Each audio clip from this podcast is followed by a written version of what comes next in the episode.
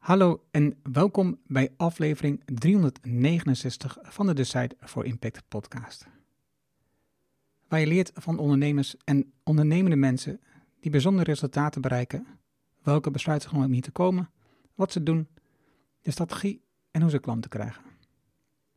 Mijn naam is Arno Hanning en ik deel mijn opgedane kennis, ervaringen en expertise met jou. Ik coach ondernemers zodat ze besluiten nemen om een impact te groeien. Vandaag het gesprek met Mark Vletter. Mark is een rebel met een goed doel en oprichter van Voice en DevHouse Spindle.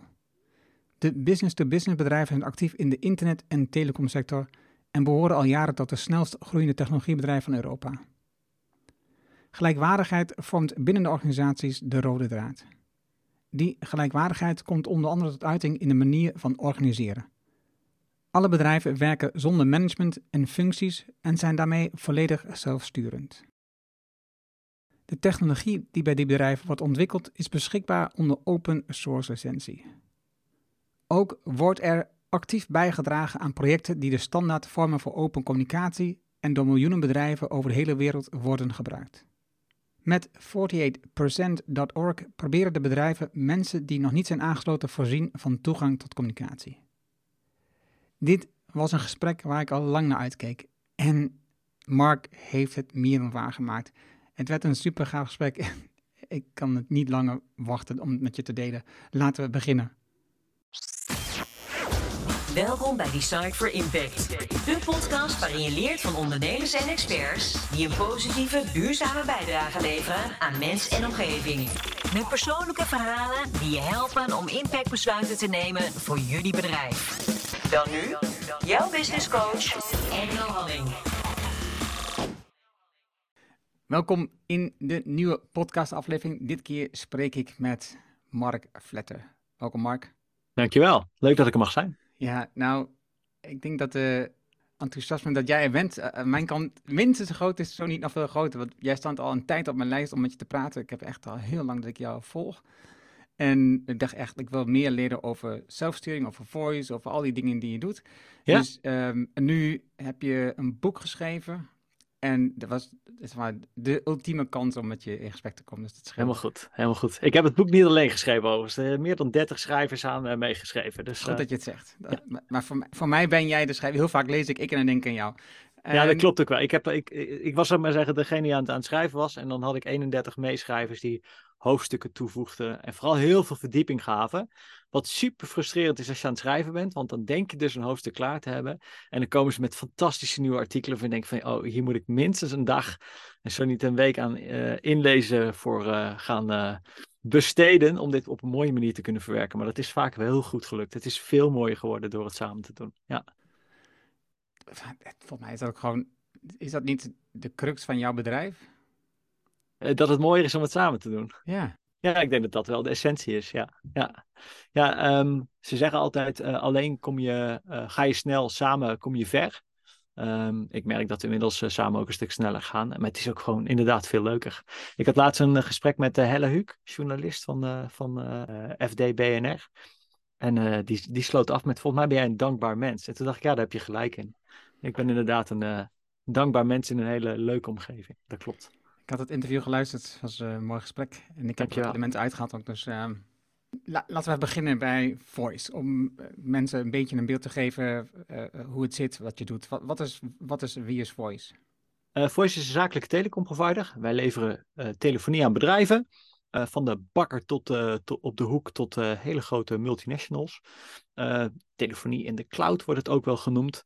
Um, wij zeggen altijd KPN, maar dan leuker, beter en goedkoper. Dat is een beetje flauw, maar dat, uh, daar zijn we het lang, hebben we het daarmee kunnen redden. Um, vaak willen mensen dan een beetje een beeld hebben bij hoe groot dan zoiets is. Uh, je moet je voorstellen dat wij 30.000 bedrijven iedere dag mogen ondersteunen. Dus die bellen met onze systemen. We hebben zo'n 150, 160 collega's in vier landen waar wij actief zijn.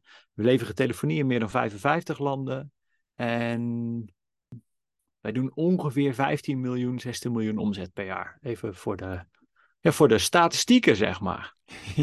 maar je, je, je hebt over 150, 160 mensen, maar dat is niet alleen bij Voice, toch? Dat is dan de combinatie van al die bedrijven, denk ja, ik? Ja, het is een combinatie van alle bedrijven samen. Um, uh, wij praten eigenlijk altijd over het geheel, omdat het geheel wel in zijn geheel met elkaar samenwerkt. Ondanks dat het over verschillende bedrijven en activiteiten verdeeld is. We hebben een bedrijf wat de software ontwikkelt. We hebben een bedrijf die die in wholesale constructie naar de markt uh, brengt. Dat bedrijf heet VoIPGrid.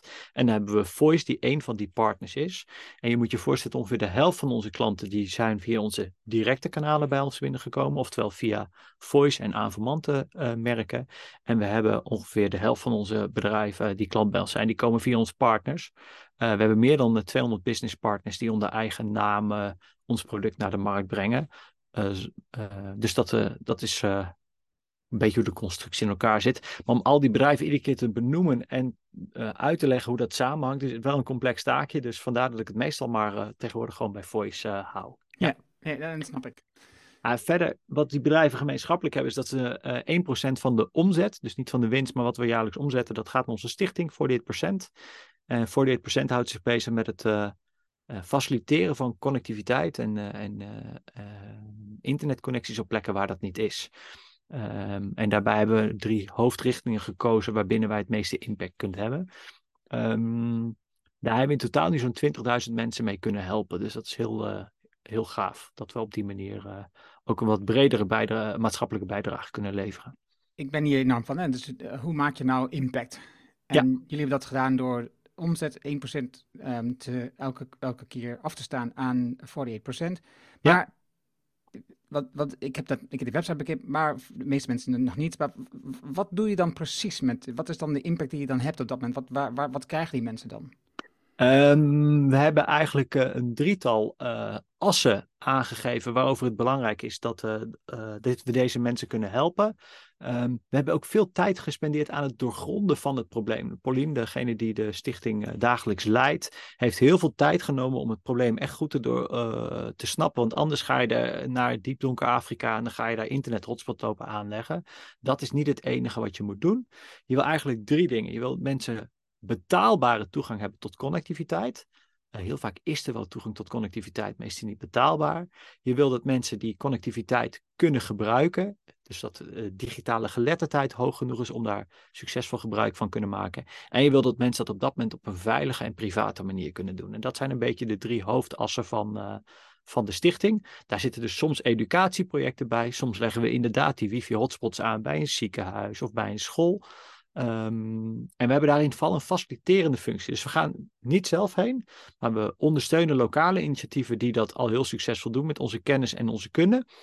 Um, goed voorbeeld, um, Oekraïne-vluchtelingen, die kwamen bij de grens en waren op dat moment, uh, konden ze eigenlijk niet meer uh, bellen of gebeld worden. En op dat moment hebben wij die Unconnected geholpen, een stichting die daar al heel veel netwerk had. Daar hebben wij gewoon geld aan gedoneerd en op dat moment konden er op die manier simkaarten en powerbanks worden uitgedeeld, zodat ze gewoon even naar huis konden bellen. Dat valt op dat moment prima binnen onze doelstelling, dus daar dragen we op dat moment aan bij.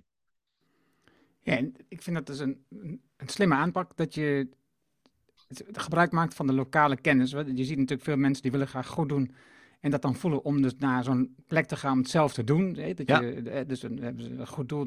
Als, we, als ze jonger zijn, dan gaan ze naar een of ander land, gaan ze helpen een muziekhuis te bouwen. Terwijl ze kunnen vaak, als je er echt doet, nou, veel beter dat doen waar ze heel goed in zijn in hun eigen omgeving. En dan veel meer geld doneren naar die plekken waar ze dat dan al die expertise in huis hebben. Want je neemt Ja. op dat moment ook nog zeg maar, een plek in van iemand anders die daar expertise op kunnen opbouwen of een expertise kan gebruiken als je, dat, als je er zelf in gaat. Ja, dat is, ehm, eh, ik ben daar een beetje dubbel in. Ehm, ehm, want ik ben zelf wel op mijn eh 22e, 23e naar Haiti gegaan om, om daar te zien wat de impact was van het gebrek van connectiviteit. En daarna is dat stiekem een beetje op de achtergrond de missie geworden van Voice. Ehm, we hebben lang overwogen, of, ik heb lang overwogen of ik überhaupt een stichting wilde starten voordat ik überhaupt met Voice begon. Ehm, alleen, stichtingen zijn altijd op zoek naar geld. Uh, er zit een enorme afhankelijkheid in. En als je op dit moment ziet wat de grote nieuwe ja, machthebbers zijn. Vroeger was het de kerk, toen werden het nazistaten. En nu zijn dat simpelweg bedrijven. De Googles en de Facebooks van de wereld zijn de machtige, de grote powerblokken. Dus vandaar dat we toen hebben gekozen om een bedrijf te beginnen. En daaruit voort is dan de stichting gekomen. Um, maar ik heb er wel naartoe moeten gaan om dat te ervaren. Alleen, als je dan inderdaad gaat doorrekenen hoe heb je het meeste impact, heel simpel. 1 euro hier is in bepaalde landen waar wij hem uitgeven vier keer zoveel waard. Ja, dan kun je dus beter geld uitgeven. Ehm, we doen heel veel aan open kennisontwikkeling. Ehm, en we weten heel veel over decentraal organiseren. Dat is hele mooie kennis die vaak niet beschikbaar is. Ja, die kennis kunnen we dan ter beschikking stellen. Dus ehm, eh, soms is het kennis. Onze software is ook volledig open source. Dus soms kunnen we daar dingen mee doen.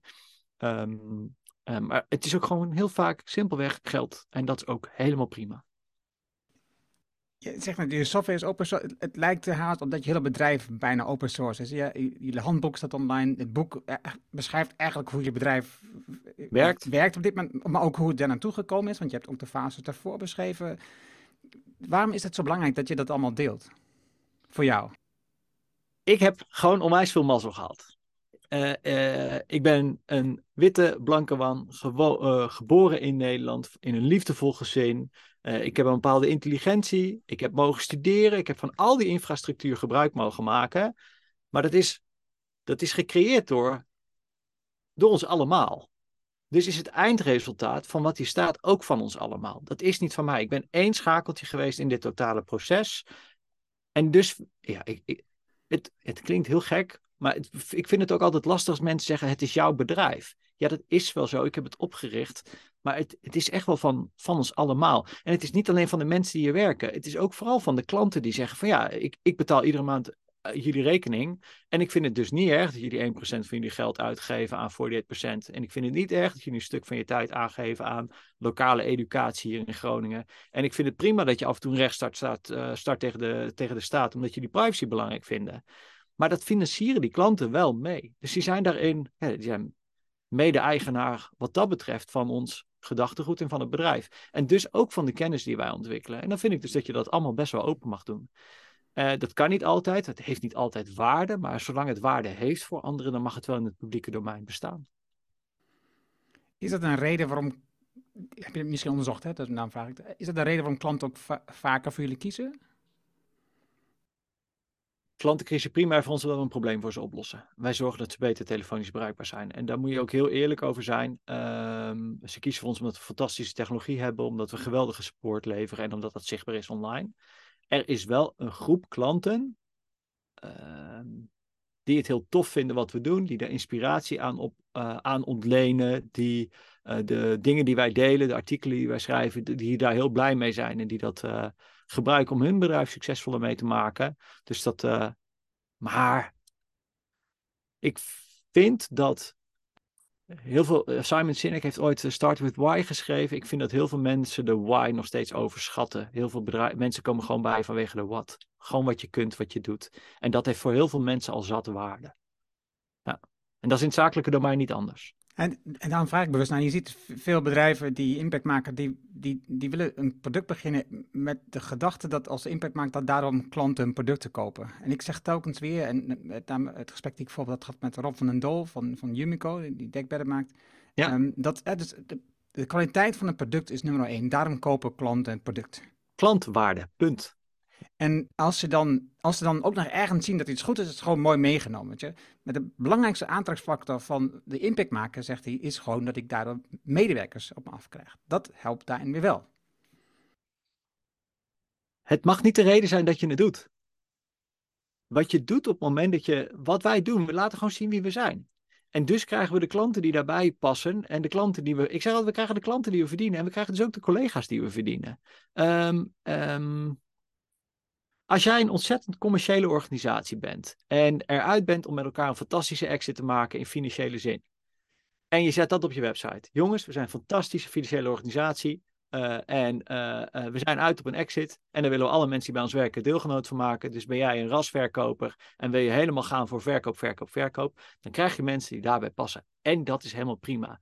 Um, een bedrijfscultuur is uiteindelijk gewoon gedrag. Welk gedrag vinden we met elkaar? Gaan we mee akkoord en vinden we leuk met elkaar? Punt. Meer is het niet. Cultuur is ook niet ingewikkeld. Is gewoon waar gaan we mee akkoord met elkaar en wat vinden we cool. En ik denk dat wij heel goed zijn geweest in inside-out communiceren. Dit is wie we zijn. En als je dat leuk vindt, dan mag je erbij. Maar het is nooit de intentie geweest. De intentie van ons handboek is niet geweest. Hier gaan we allemaal nieuwe collega's mee vinden. De intentie van het handboek is geweest: shit, dit is gaaf wat we nu aan het leren zijn. Dit moet de rest van de wereld doen. Ik heb met André Westering, Chantal van der Bulk, hebben we de eerste versie van het, uh, van het uh, handboek geschreven. Dat hebben we geschreven en op dat moment heb ik s'nachts om twee uur heb ik André een berichtje gestuurd. Ik zeg, als je dit toch, en dat ging toen nog helemaal over zelfsturing, dat was toen de tijd nog veel nieuwer dan dat het nieuw is. Ik zeg, als we dit toch goed weten te vertellen aan de wereld over hoe krachtig dit is, dan, dan, is dat, dan levert dat straks meer op dan onze technologie ooit gaat doen. En vanuit die drive is dat verhaal naar buiten gekomen. En volgens mij hebben dat, mensen dat gevoel toen ze de eerste versie van het handboek lazen. Ehm, en die, dat gevoel zit ook nog steeds in het bedrijf. We zijn nu bezig met ehm, onze huidige versie van het handboek voor nieuwe collega's is vier jaar oud. Er komt een nieuwe versie aan. Die gaat helemaal digitaal worden. Het is het meest uitvoerige wat we ooit hebben geschreven. We zijn nu de laatste hand eraan aan het uh, leggen. Ik wacht dat hij met een maand klaar is. Gaat in, ik heb beloofd dat hij in mijn volgende nieuwsbrief meegaat. Dus uh, er staat nu echt een stok achter de deur. Ja, en als ik er dan doorheen blader, denk ik, maar wat is dit vreselijk volwassen, goed doordacht. Um, het is zo compleet en zo ons verhaal. Ja, ik ben daar onwijs trots op. En ik weet zeker dat mensen dat gaan voelen als ze het lezen. Want het is namelijk iets wat we met elkaar hebben gebouwd, waar we met elkaar heel trots op zijn. Oké, okay, dit is een, um, een, commerciële noot. Ding, ding. Dus wil je dit uh, weten wanneer die uitkomt, abonneer je op de nieuwsbrief van Mark. Ja, ja, ja. ja. en dat is heel makkelijk. Dat was, dat, was een, dat was een geintje, maar het is echt waar. Want ik, ja. ik, ik, ik ontvang een nieuwsbrief en ik haal echt elke keer weer iets uit. Ik denk, oh, gaaf video. Oh, leuk in ding. Mooie podcast. Dus, ik, dus het is echt een goede nieuwsbrief, daarom zeg ik dat bewust. Ah, dankjewel. Ja, uh, heel simpel, voice.nl slash mark met een k. En v-o-y-s.nl. Ja. Dus ja, en, uh, ik moet ook eerlijk zeggen, ja, ik, ja, op een gegeven moment zegt een van je collega's, je moet een nieuwsbrief gaan beginnen. En heb je zoiets van, ja, dat ga ik toch niet doen, joh. Zeg jij wel, want je schrijft heel graag die artikelen, dus dan moeten mensen dat ook lezen, dus dan moet je een nieuwsbrief beginnen. Maar inmiddels heeft die nieuwsbrief dus gewoon duizend mensen bijna die ingeschreven staan. Ja, dan denk ik ieder maand, shit joh, ik ga duizend mensen mailen. Dit is vet cool. Ik mag die duizend mensen mailen. Dus het wordt ook steeds leuker om dat ding te versturen. En dan gaat ook, ik moet eerlijk zeggen, gaat veel te veel tijd in zitten nu ook. dus, um, maar het is wel heel leuk om te doen. Dus ja, waardevol werk. De, de manier waarop je erin zit, hoe je, wat je net vertelde, dat het handboek voor iedereen, krijgen we gewoon, dat levert veel meer op dan we ooit met ons, bedrijf, met ons product doen.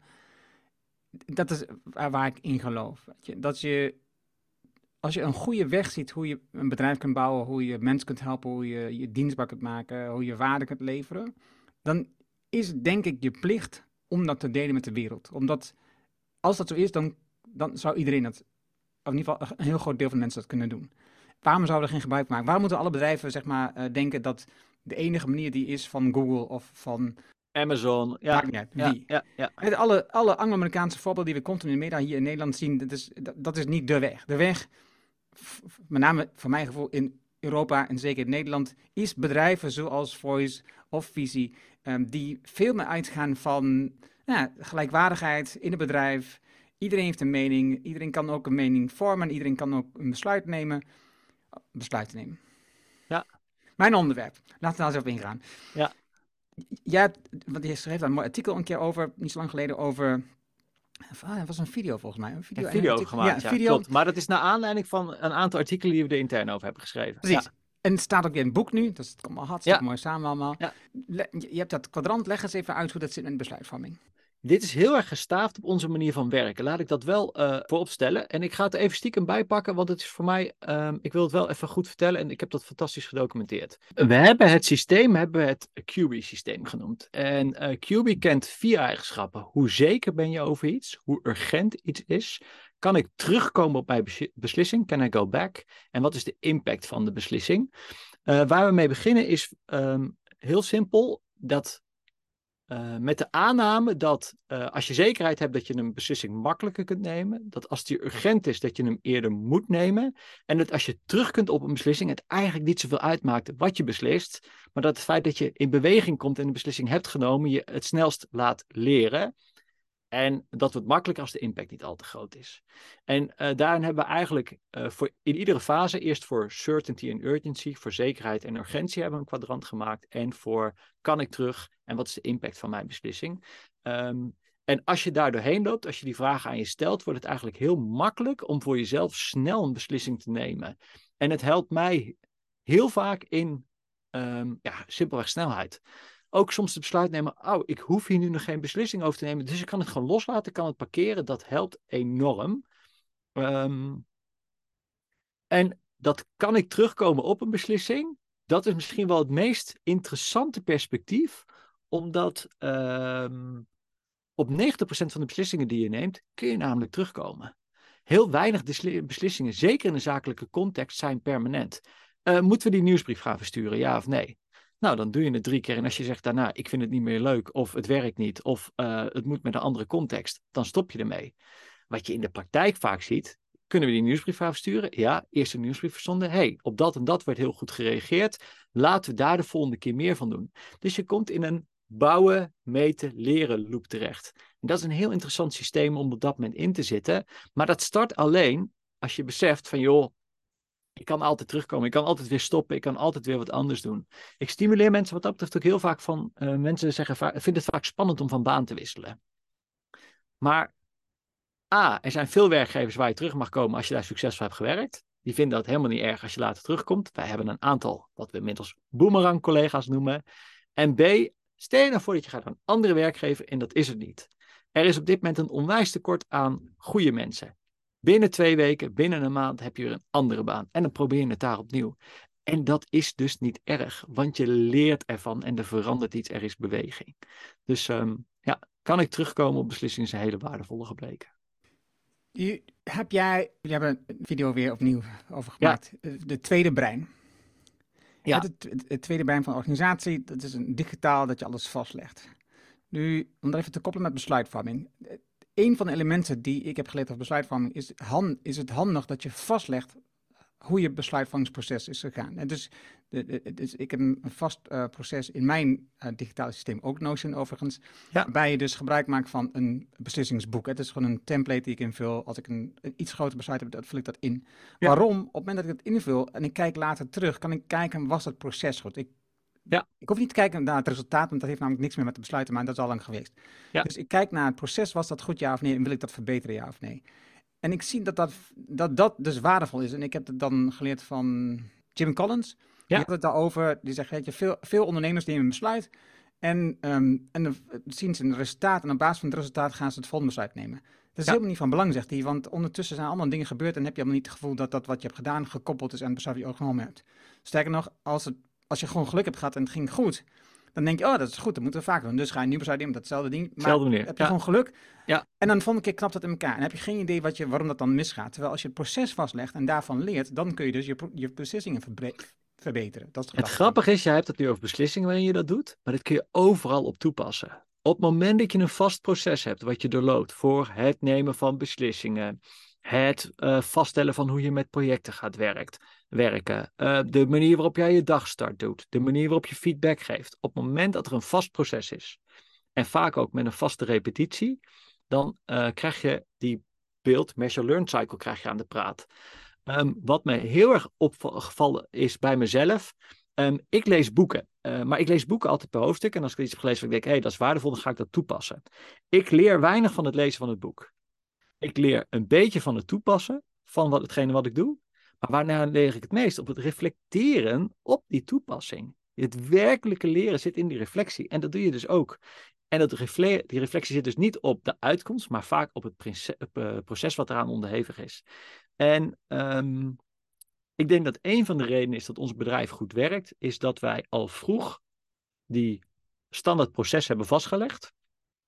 En dus die uh, cyclus van verbetering uh, zijn ingegaan. Even een voorbeeld. We hebben een vast proces van hoe we projecten doen binnen ons bedrijf. We hebben meer dan 700 projecten gedraaid. Ik kan je garanderen, als je iedere keer evalueert nadat je een proces hebt doorlopen over of het procesje zelf goed was, dat dat zich heel snel ontwikkelt. En hetzelfde hebben we gedaan voor het strategieproces. En dus is het strategieproces zoals we dat nu doorlopen, anders dan dat het in het boek staat, terwijl de inkt van het boek misschien drie maanden oud is. Dus um, ja, het is wat dat betreft ook een levend systeem. En daarom willen we ook eigenlijk die, daarom is het nieuwe handboek voor onze collega's, wordt ook dus een, uh, een webpublicatie en geen fysieke print meer, want het is een levend systeem. Du moment dat je het op papier zet, is het eigenlijk al niet meer up-to-date. Uh, ja. Maar ik vind het heel herkenbaar wat je zegt. En ook wij hebben, leggen beslissingen altijd vast, maar ook Welke mensen waren erbij betrokken? Welke informatie hebben we gebruikt? Dus inderdaad ook het proces eromheen wordt heel duidelijk vastgelegd. Sterker nog, de oprichter van WordPress.com, uh, Matt, noemt het hun grootste bedrijfsasset. Niet hun code, niet hun mensen, niet het geld op de bank. Nee, de motivatie achter de beslissingen die ze genomen hebben. Ja, ik vind dat een heel krachtig inzicht. Ik zat net. Uh, besluitvorming heb ik zeg maar sinds 2018 voor mezelf als, als, als ding gedefinieerd. Dus dat, dat, daar wil ik me in ontwikkelen. Dat is een belangrijk ding. Ik merk dat veel ondernemers daar nou, niet echt goed in zijn om dat, om dat echt grondig te doen.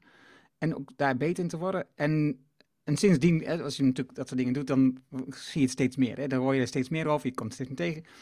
Maar ik hoorde net dus in een ander gesprek met een andere coach, die dus bij bijeenkomsten is van Harvard Business Review.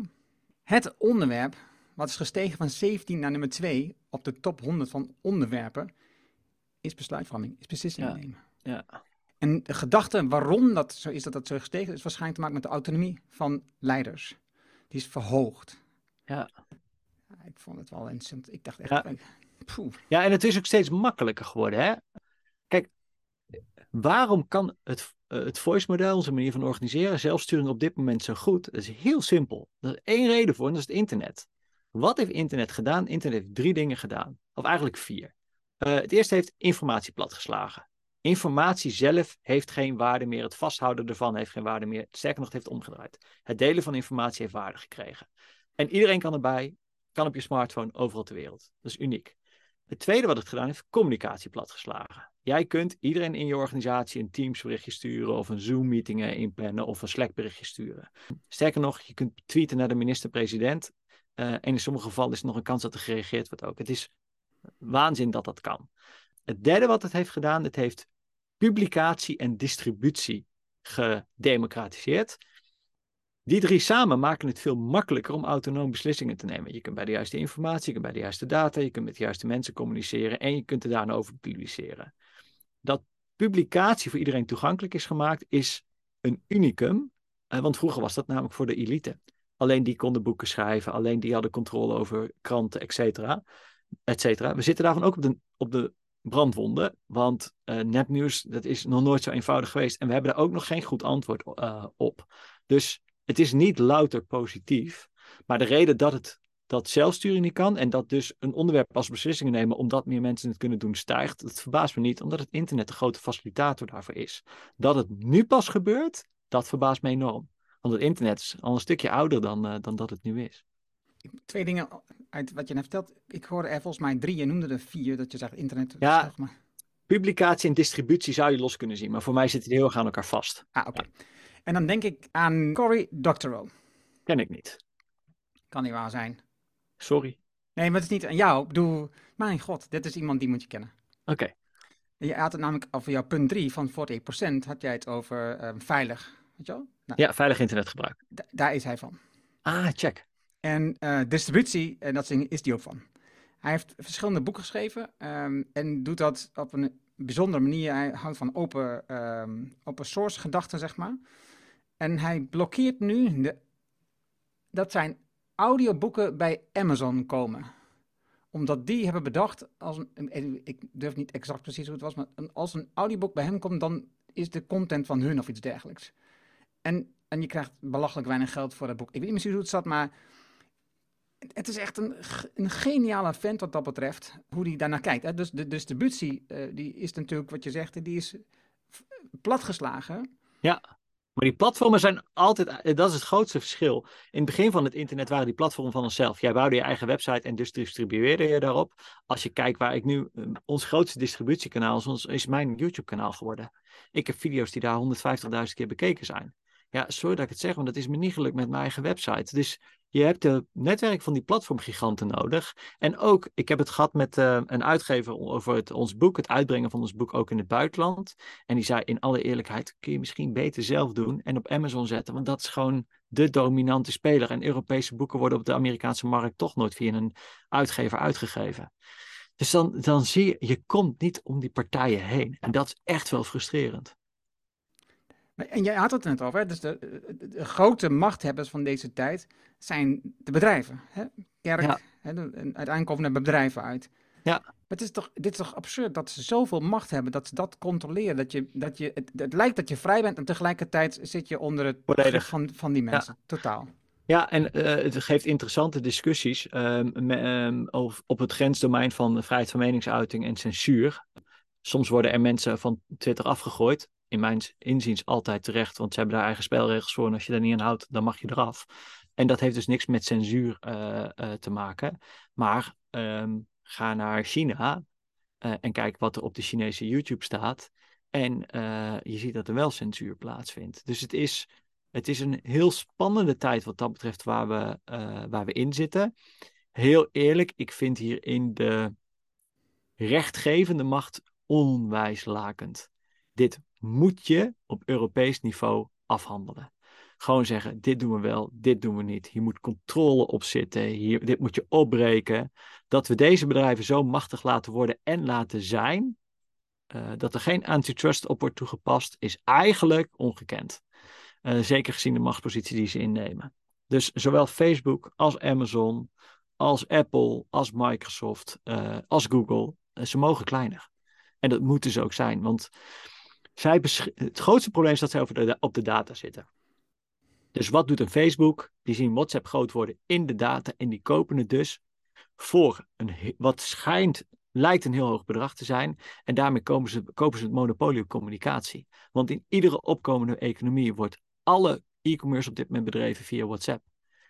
Hebben zij gekocht. Instagram koopt Facebook gewoon. Eh, Metaverse zitten zij maximaal op in, want zij zien namelijk aan de data dat dat groot gaat worden.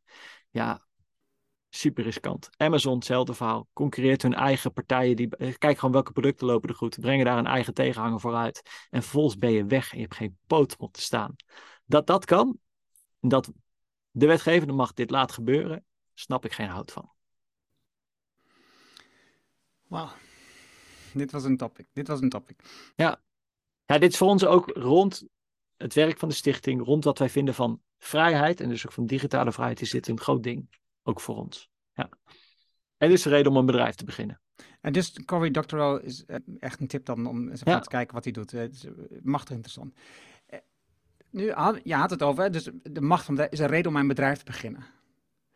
En ehm, jullie groeien eh, nog steeds elk jaar als een gek. Jullie hebben tien jaar in de gazelles eh gestaan. En tegen cellen, ja. FD Gezellen. Tot wanneer mag je groeien dan? Wat is dan, is daar een eindpunt voor? Wanneer ben je te groot? Wanneer ben je te machtig? Dat is een hele valide vraag. Eh, ik heb zelf de. Wij, wij groeien dit jaar niet meer zo hard.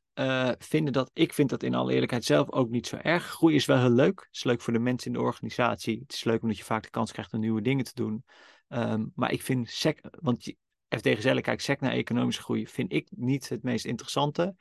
We zijn altijd heel goed geweest in de het laten groeien van mensen binnen onze organisatie. En daar kwam eigenlijk altijd de rest uit voort. Dus ik vind groei als doel niet gezond. Ik vind het als resultaat heel mooi, economische groei. Ik zou, als je naar groei kijkt, eigenlijk dat in perspectief willen plaatsen van hoe je het doet. Je hebt je bedrijfsmodel, je businessmodel, die bestaat in de maatschappelijke omgeving waar ze in opereert. En die bestaat in de ecologie waar we met z'n allen onderdeel van zijn. Dus het is een cirkeltje waar jij iedere keer invalt. Wat hebben we historisch gezien? We hebben hier bedrijven, hier de ecologie en hier de maatschappij. En als een Shell de hele Niger Delta vol pompt, dan maakt dat ons als maatschappij eigenlijk niet uit, want we hebben er geen last van. Dat kan niet meer. Je ziet nu dat die cirkeltjes langzaam gaan overlappen, maar daar moeten we niet naartoe. We moeten er echt naartoe dat die integraal onderdeel zijn van elkaar. Je kunt je dus als bedrijf ook niet meer buiten de maatschappij plaatsen, omdat je er integraal onderdeel van bent.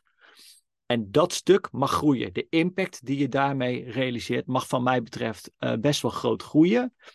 Wat ik interessant vind, welke governance er dan omheen zit. Wat is er namelijk op dit moment het geval? Uh, Facebook, Amazon, dat zijn gewoon beursgenoteerde bedrijven. En de aandeelhouder wil één ding: rendement.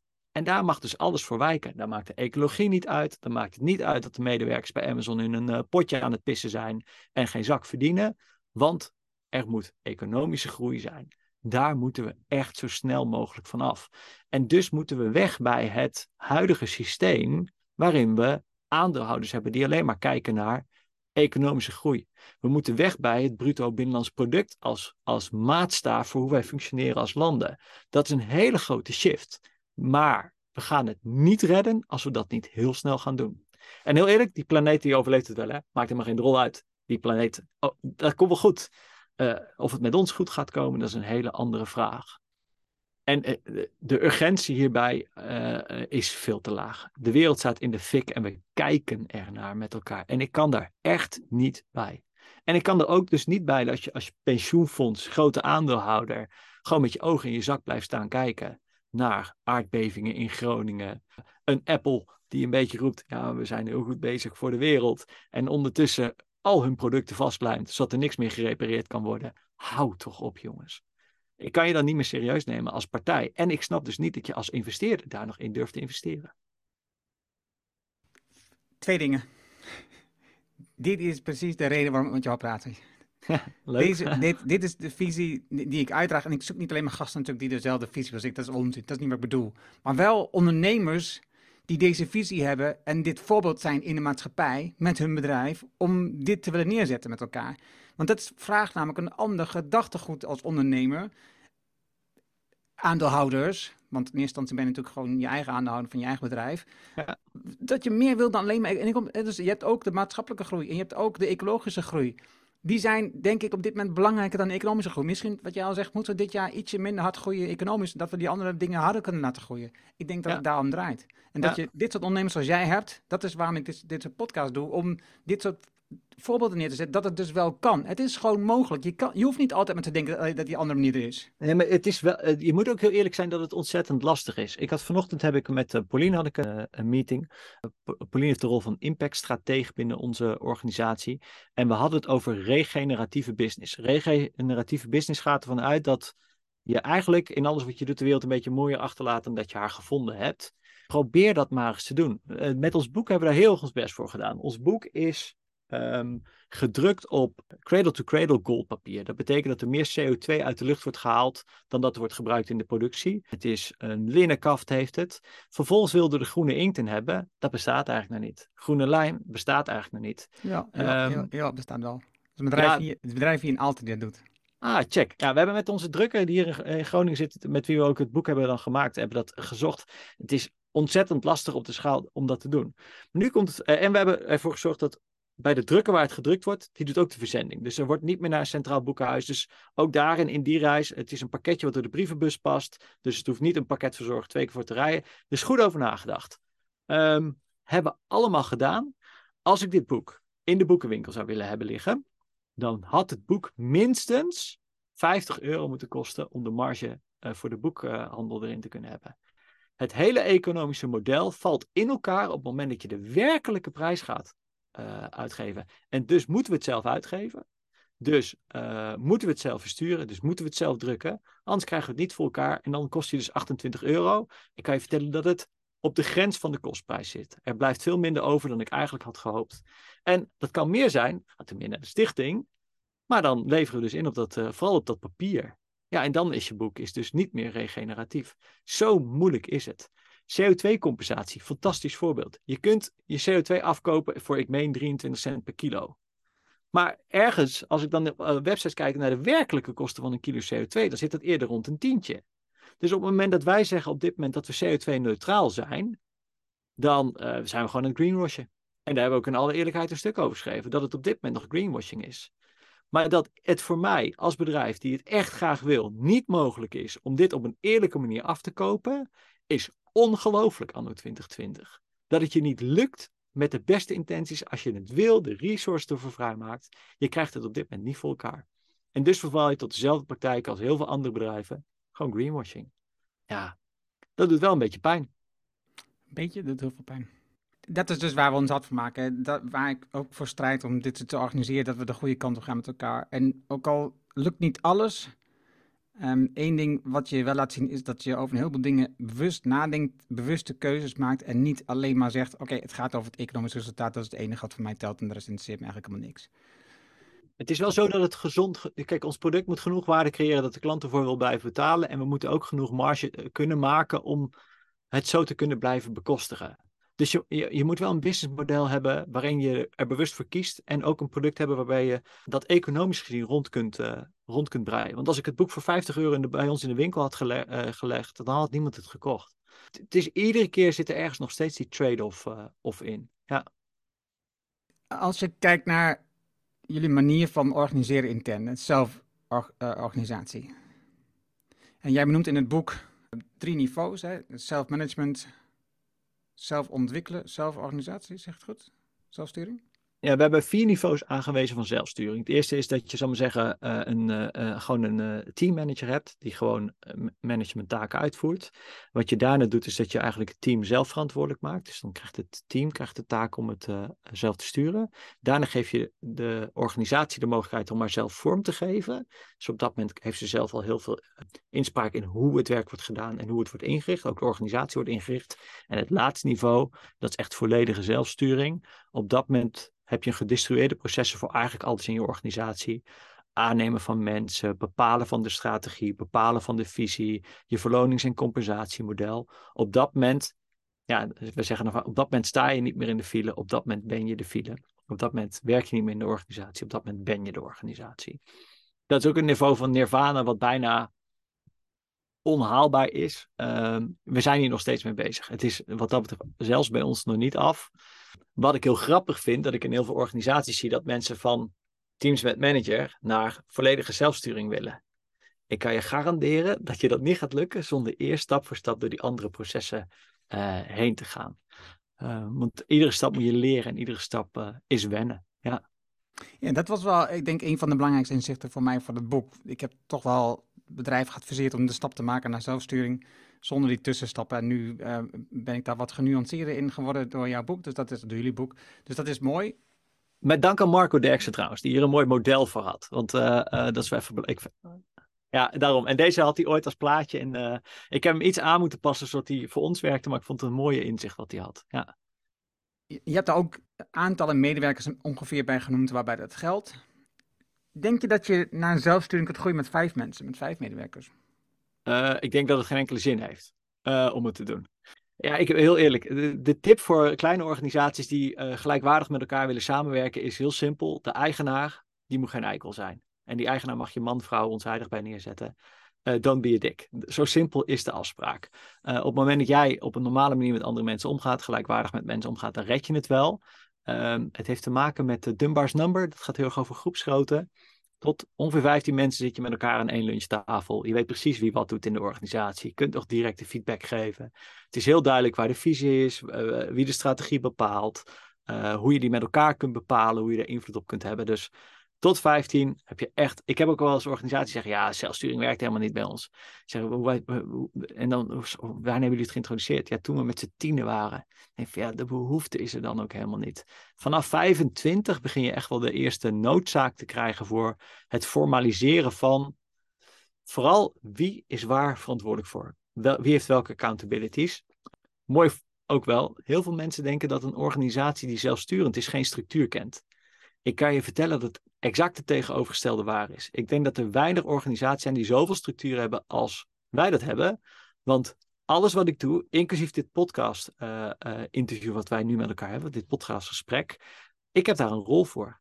Een rol die uh, heet de zeepkist en vanuit die rol doe ik iets met public speaking. Dus als er een verzoek binnenkomt voor een podcast interview, zijn er ook een aantal mensen die zeggen, oh dat vind ik leuk om te doen. En die doen dat dus.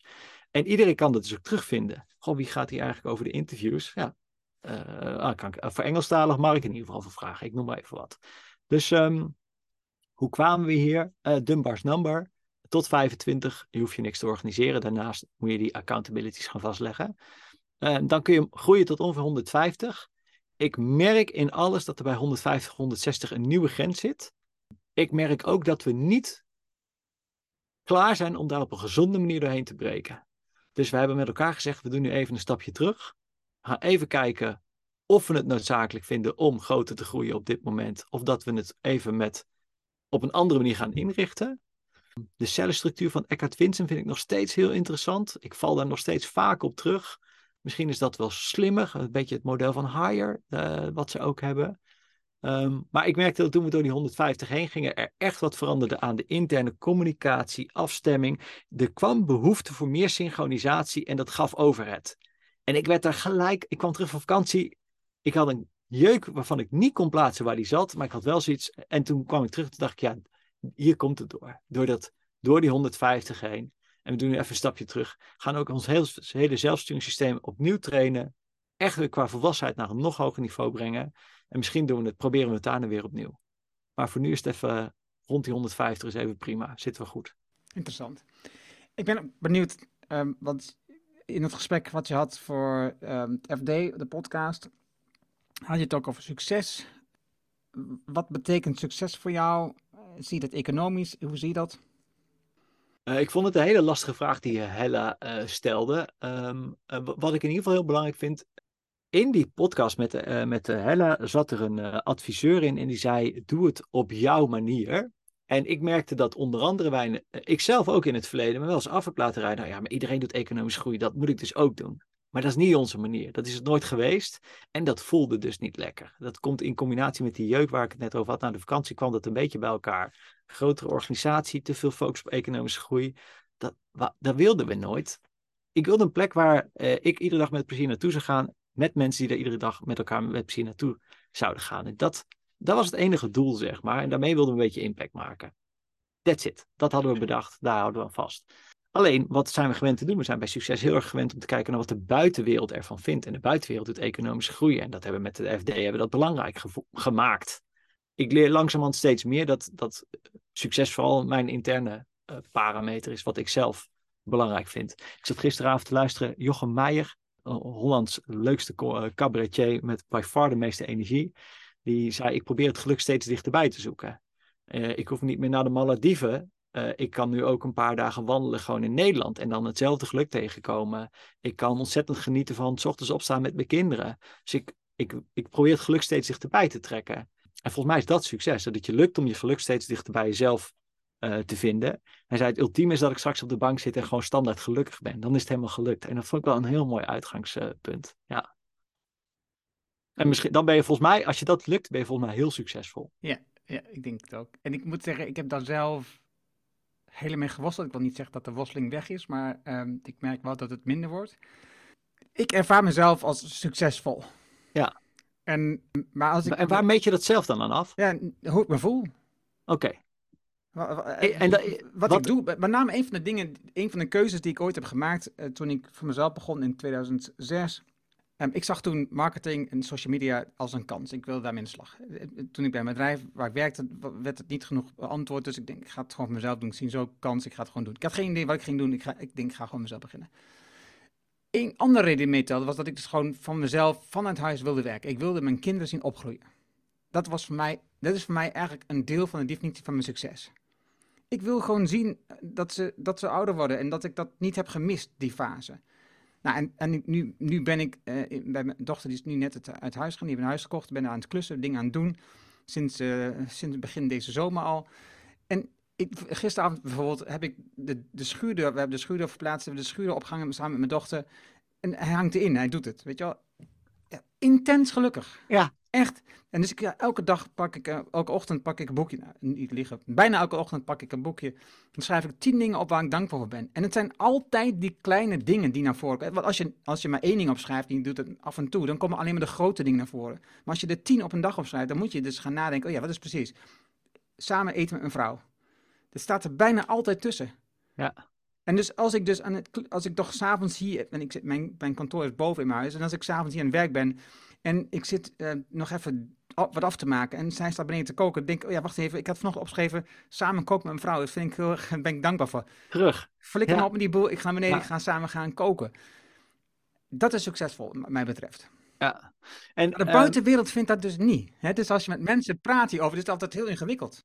Ja, ja ik, ik vind het ook wel spannend, want ik snap ergens ook wel, of, of, dat is één element. Hè, ik, ben, ik, wil ook heel graag impact maken, dus ik wil graag ondernemers helpen om iets positiefs. Dat, dat, is niet het enige voor duidelijkheid. Nee, nee maar da, en dat stukje ontbreekt hier een beetje in. Dat impact maken, daar zit ook een bepaalde drive in en uh, ook een bepaalde um, reden om het groter te maken dan dat het is. om het te laten groeien. en ik, ik merk bij mezelf dat ik dat ook nog wel. Ik haal daar veel uit voor mezelf. Dat ik dat ik zelf, ja, los van of het omgeving, dat ik zelf nog heel groei. Ik vind dat heel, er zit voor mij veel lol in nieuwe dingen leren en daar als mens ook in, uh, in uh, groeien. Terwijl inderdaad, joh, um, wat was het leukst van vanochtend? mijn zoon die is wat jonger en die ging vanochtend onder de douche. Papa, ga je nog mee? Dan mag ik samen met mijn zoon douchen. En dan aan het eind krijg ik een enorme knuffel van hem onder de douche. En dan gaan we daarna fietsen samen naar school. En hebben een vast ritueel waarin we afscheid nemen. Joh, ik kan mijn dag niet beter beginnen, los van het feit dat mijn vrouw vanochtend uh, uh, wat grieperig was. En normaliter lig ik ochtends nog even tegen me aan. Dat was het enige wat ontbrak aan deze ochtend. Ja, dat, dat, dat is dus wel het echte geluk, zeg maar. En het feit, ben ik heel met je eens, het feit dat ik, ik heb vanaf het begin, vanaf het moment dat de kinderen kwamen, vanaf het begin van de onderneming, gezegd, ik wil 30 uur per week werken. Want dan kan ik mijn kinderen zien opgroeien. Ik heb nagenoeg alles van mijn kinderen.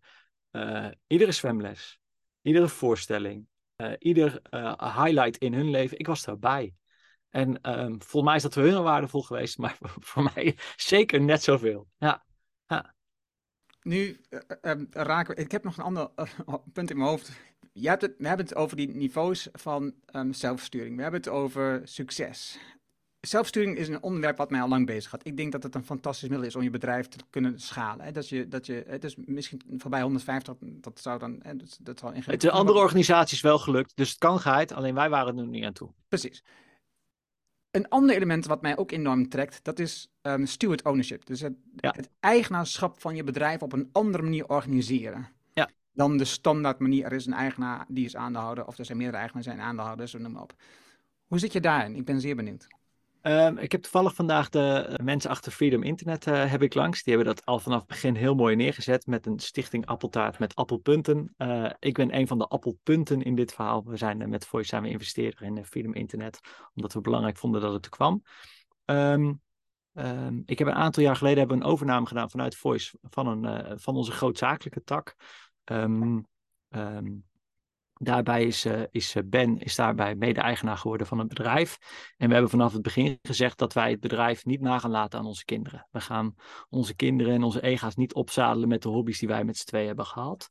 Um, het spannende stuk hierbij is dat als je dat aan het eind van de lifecycle van je bedrijf doet, het bedrijf vaak economisch de meeste waarde heeft. En dan dus moet af, aftikken. Dat kan echt voor zijn papieren lopen. Vraag dat maar aan de mensen van Patagonia die recent een miljard hebben moeten aftikken, omdat tax legal te maken.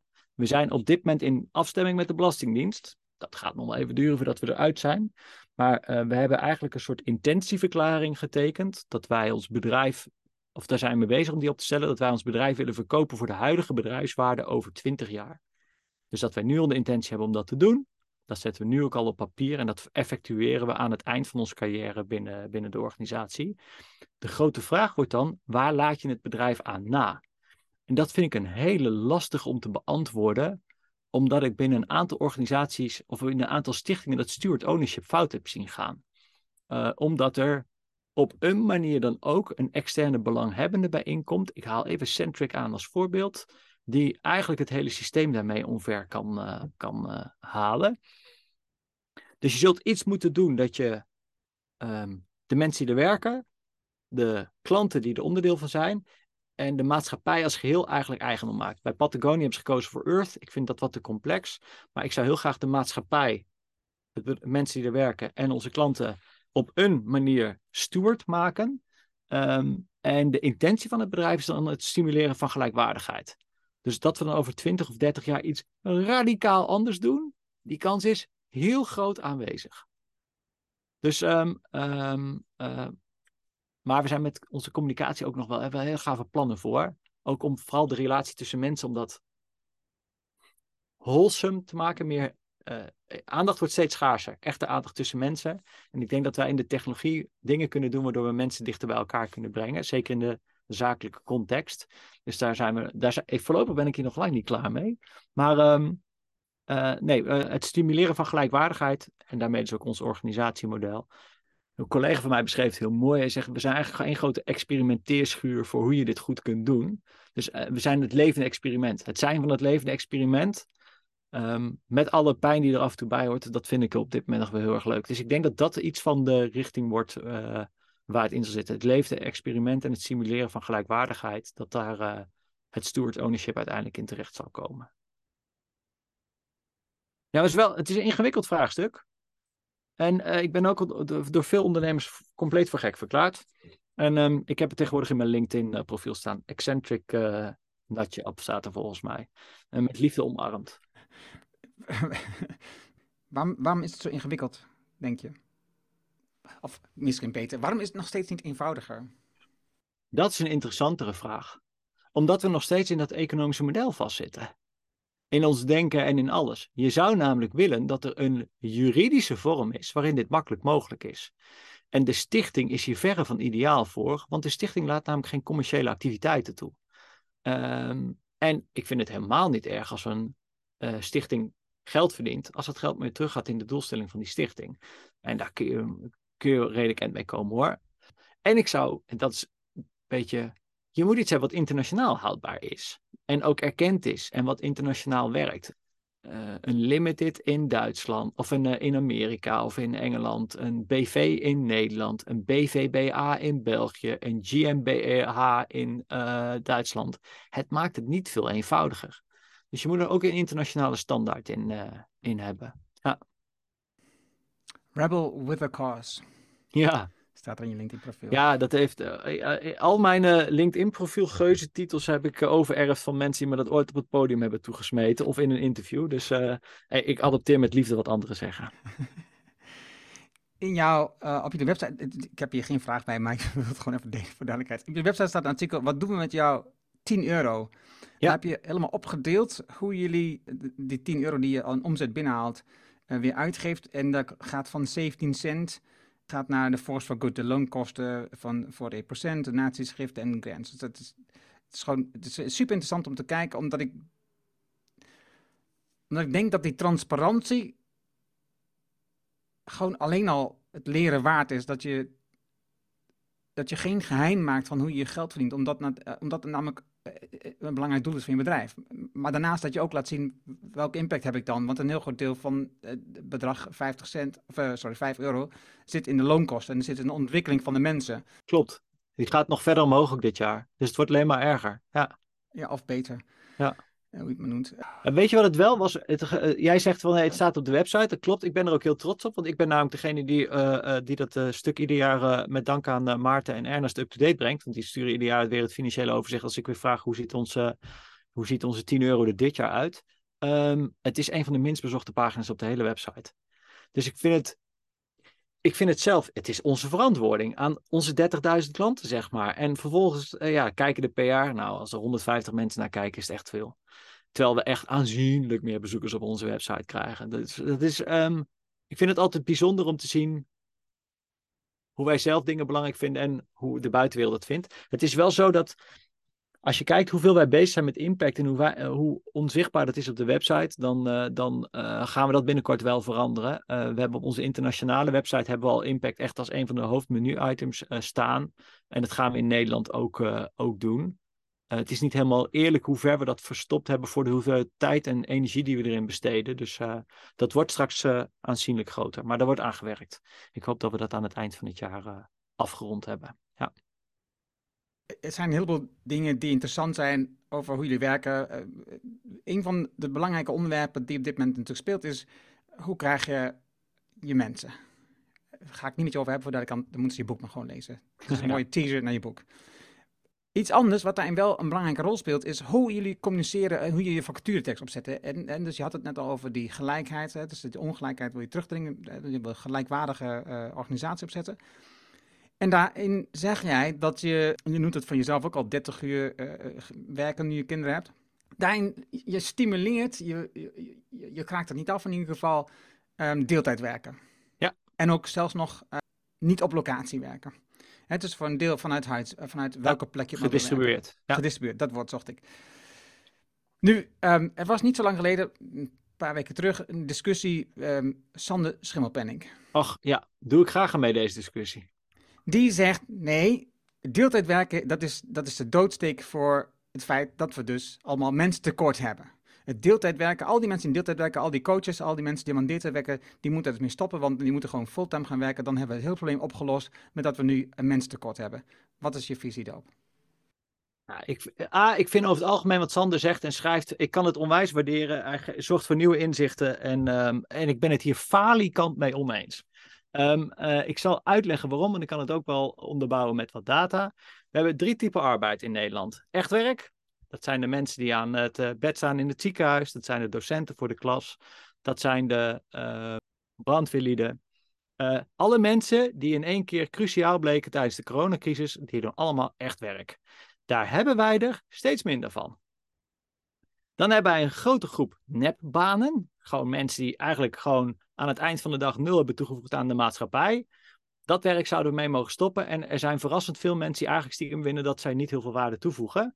Stop er dan gewoon mee. Je bent echt zelf volledig in controle van jouw carrière. Ik snap niet dat je überhaupt aan het eind van de dag daar je tijd hebt gespendeerd. In mijn beeld, wereldbeeld, mag je dit leven één keer oefenen.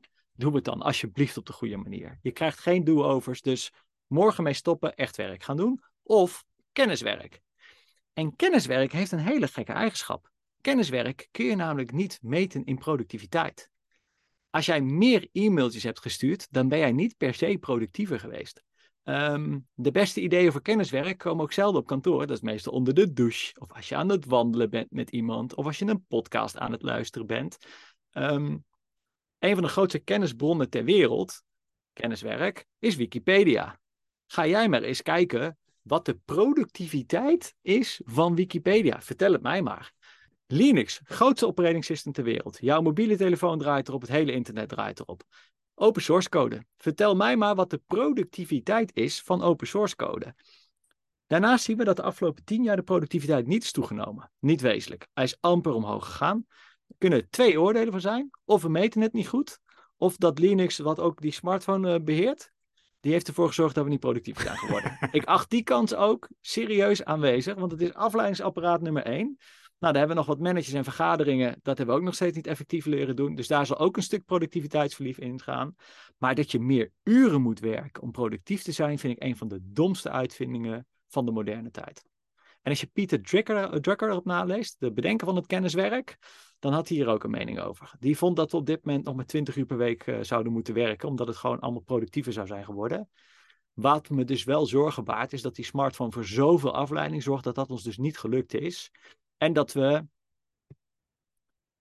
Ik kom in organisaties waarvan ik echt me afvraag hoe het bestaansrecht er nog is, door de inefficiëntie daar nog steeds is en de gebrek aan kennis over hoe digitale tools werken. Ik krijg vaak de vraag: waarom heb je zoveel tijd om zoveel verschillende dingen te doen?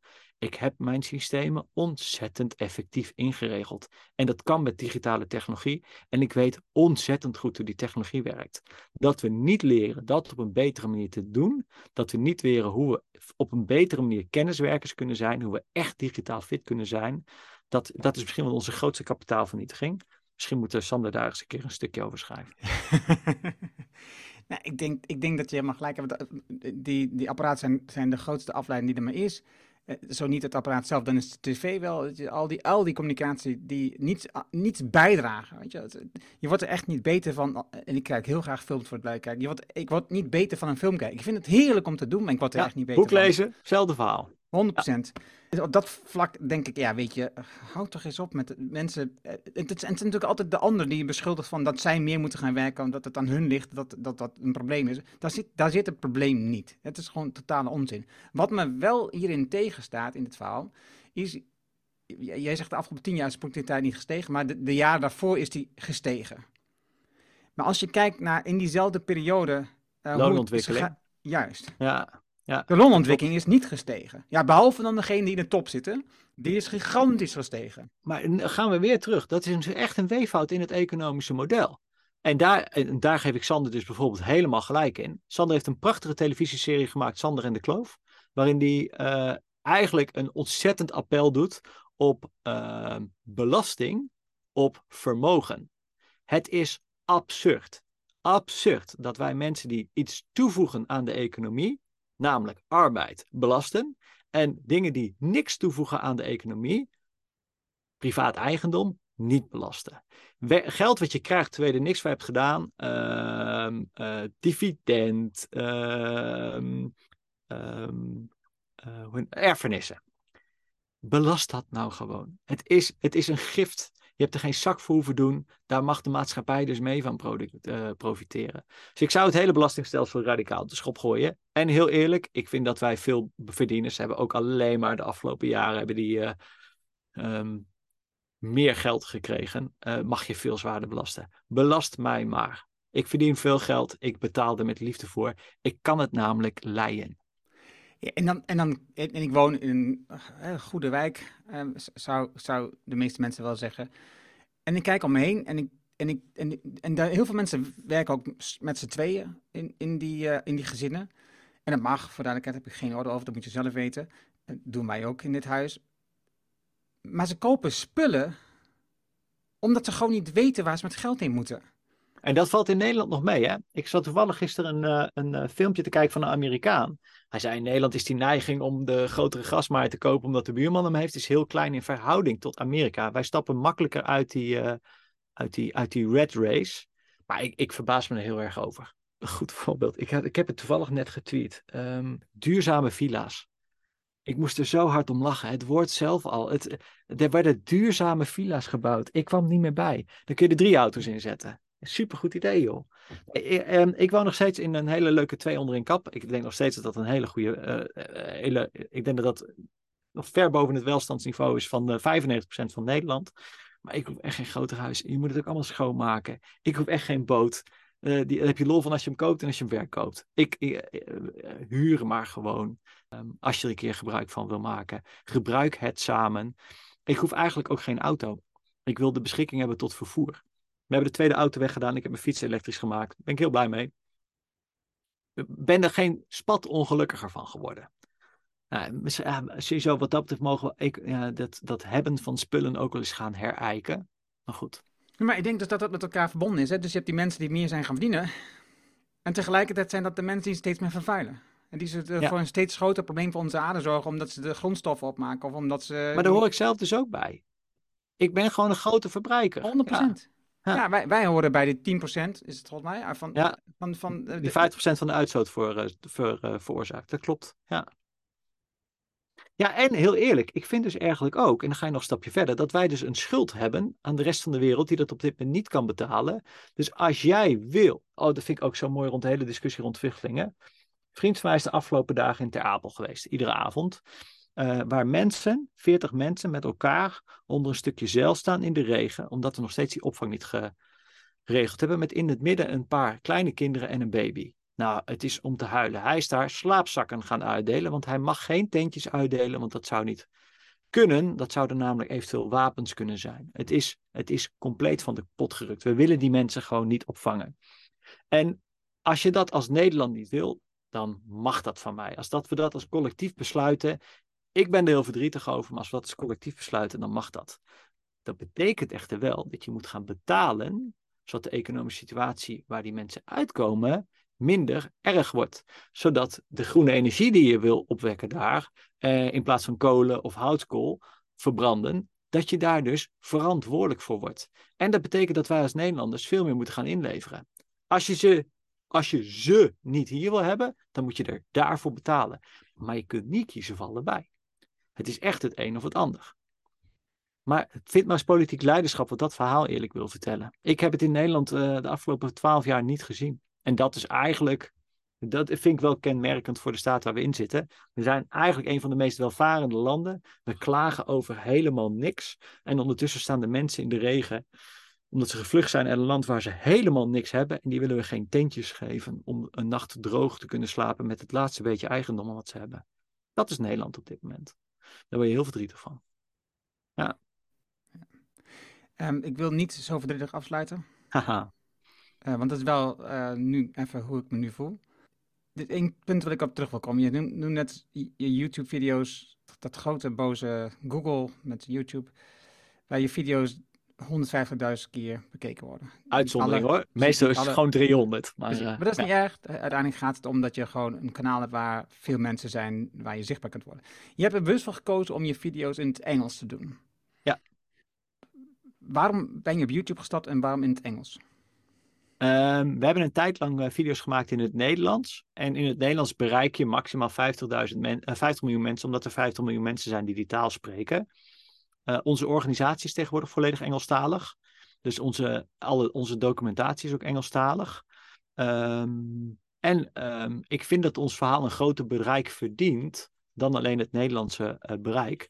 Wat de Amerikaanse techbedrijven veel beter hebben geregeld dan de Europese techbedrijven, is A, de grootte van de markt. Ze hebben een single market van ruim 300 miljoen uh, mensen.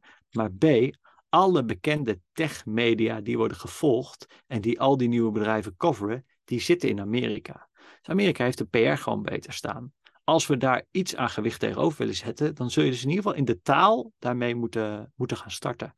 Dus um, ik vind het ook wat dat betreft. Ik heb uh, het laatste boek wat ik heb gelezen is van, uh, gaat over Amazon.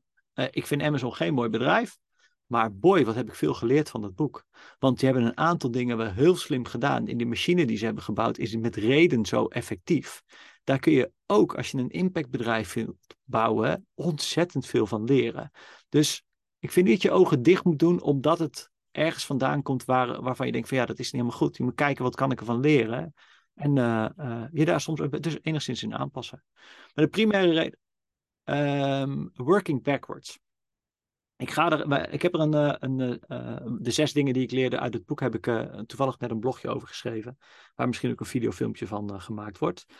Maar uh, het belangrijkste reden was heel simpel. Uh, we, ik vind dat wij een verhaal hebben wat meer volgers verdient. We zijn nu nog een beetje zoekende naar onze, onze audience hierin. Uh, we kunnen niet in één keer toegaan naar alleen maar het vertellen van dit verhaal. Daar is het publiek gewoon moeilijk voor te vinden op YouTube. Dus het zit nu nog een beetje wat meer in de tools voor persoonlijke groei. En het zal met de tijd langzaam verschuiven naar persoonlijke groei en organisatiegroei.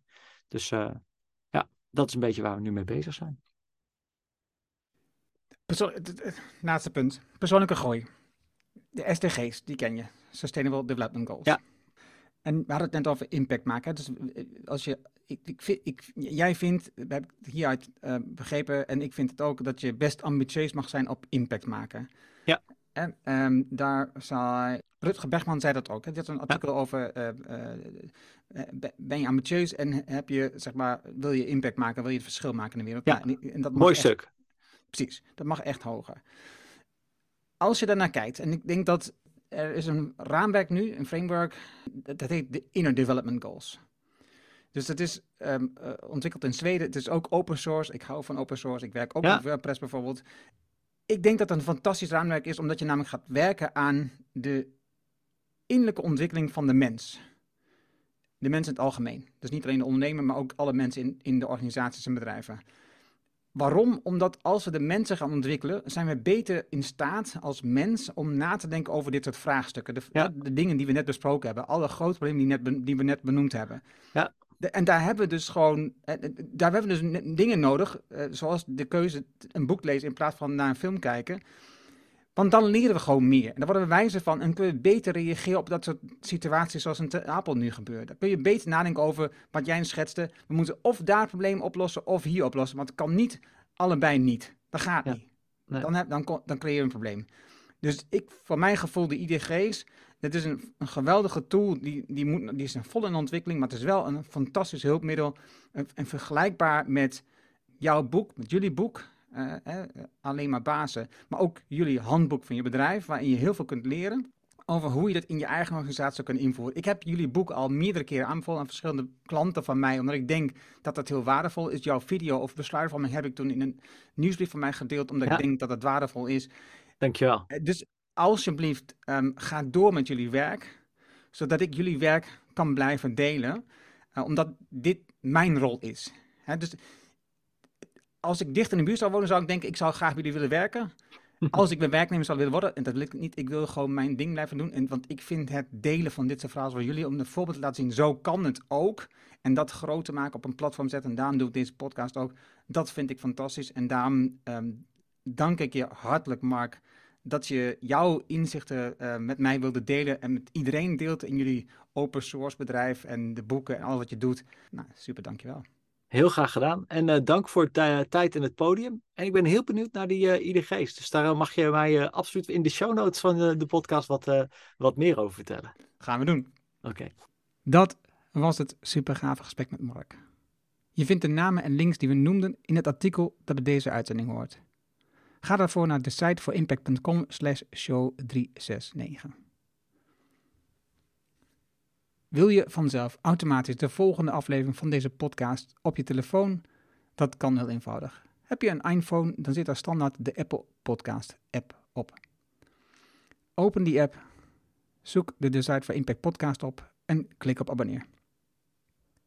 Heb je een Android-telefoon? Installeer dan bijvoorbeeld eerst de Player FM app.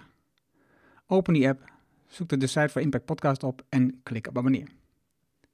Dankjewel hiervoor. Heb je een vraag, reactie, opmerking over deze aflevering met Mark of over de podcast in het algemeen? Stuur dan een e-mail naar podcast@decideforimpact.com. Ik hoor super graag van jou. Wil je meer impact, meer resultaat, meer effect van je werk en meer effect voor de mensen met wie je werkt? Download dan het whitepaper Winst en Impact met lange termijn besluiten op decideforimpact.com. Dit is mijn nieuwste whitepaper en je downloadt het daarom helemaal gratis. Je hebt zelfs geen e-mailadres nodig. Mijn nieuwste boek is altijd gratis, vraag het daarom nu aan. Je vraagt jouw whitepaper aan op decideforimpact.com. En ik weet, je hebt een volle agenda, je leest het in één avond tijd. Dankjewel voor het luisteren en graag tot de volgende. Dankjewel voor het luisteren naar deze aflevering van de Decide for Impact podcast. Ga voor jouw volgende stap naar decideforimpact.com.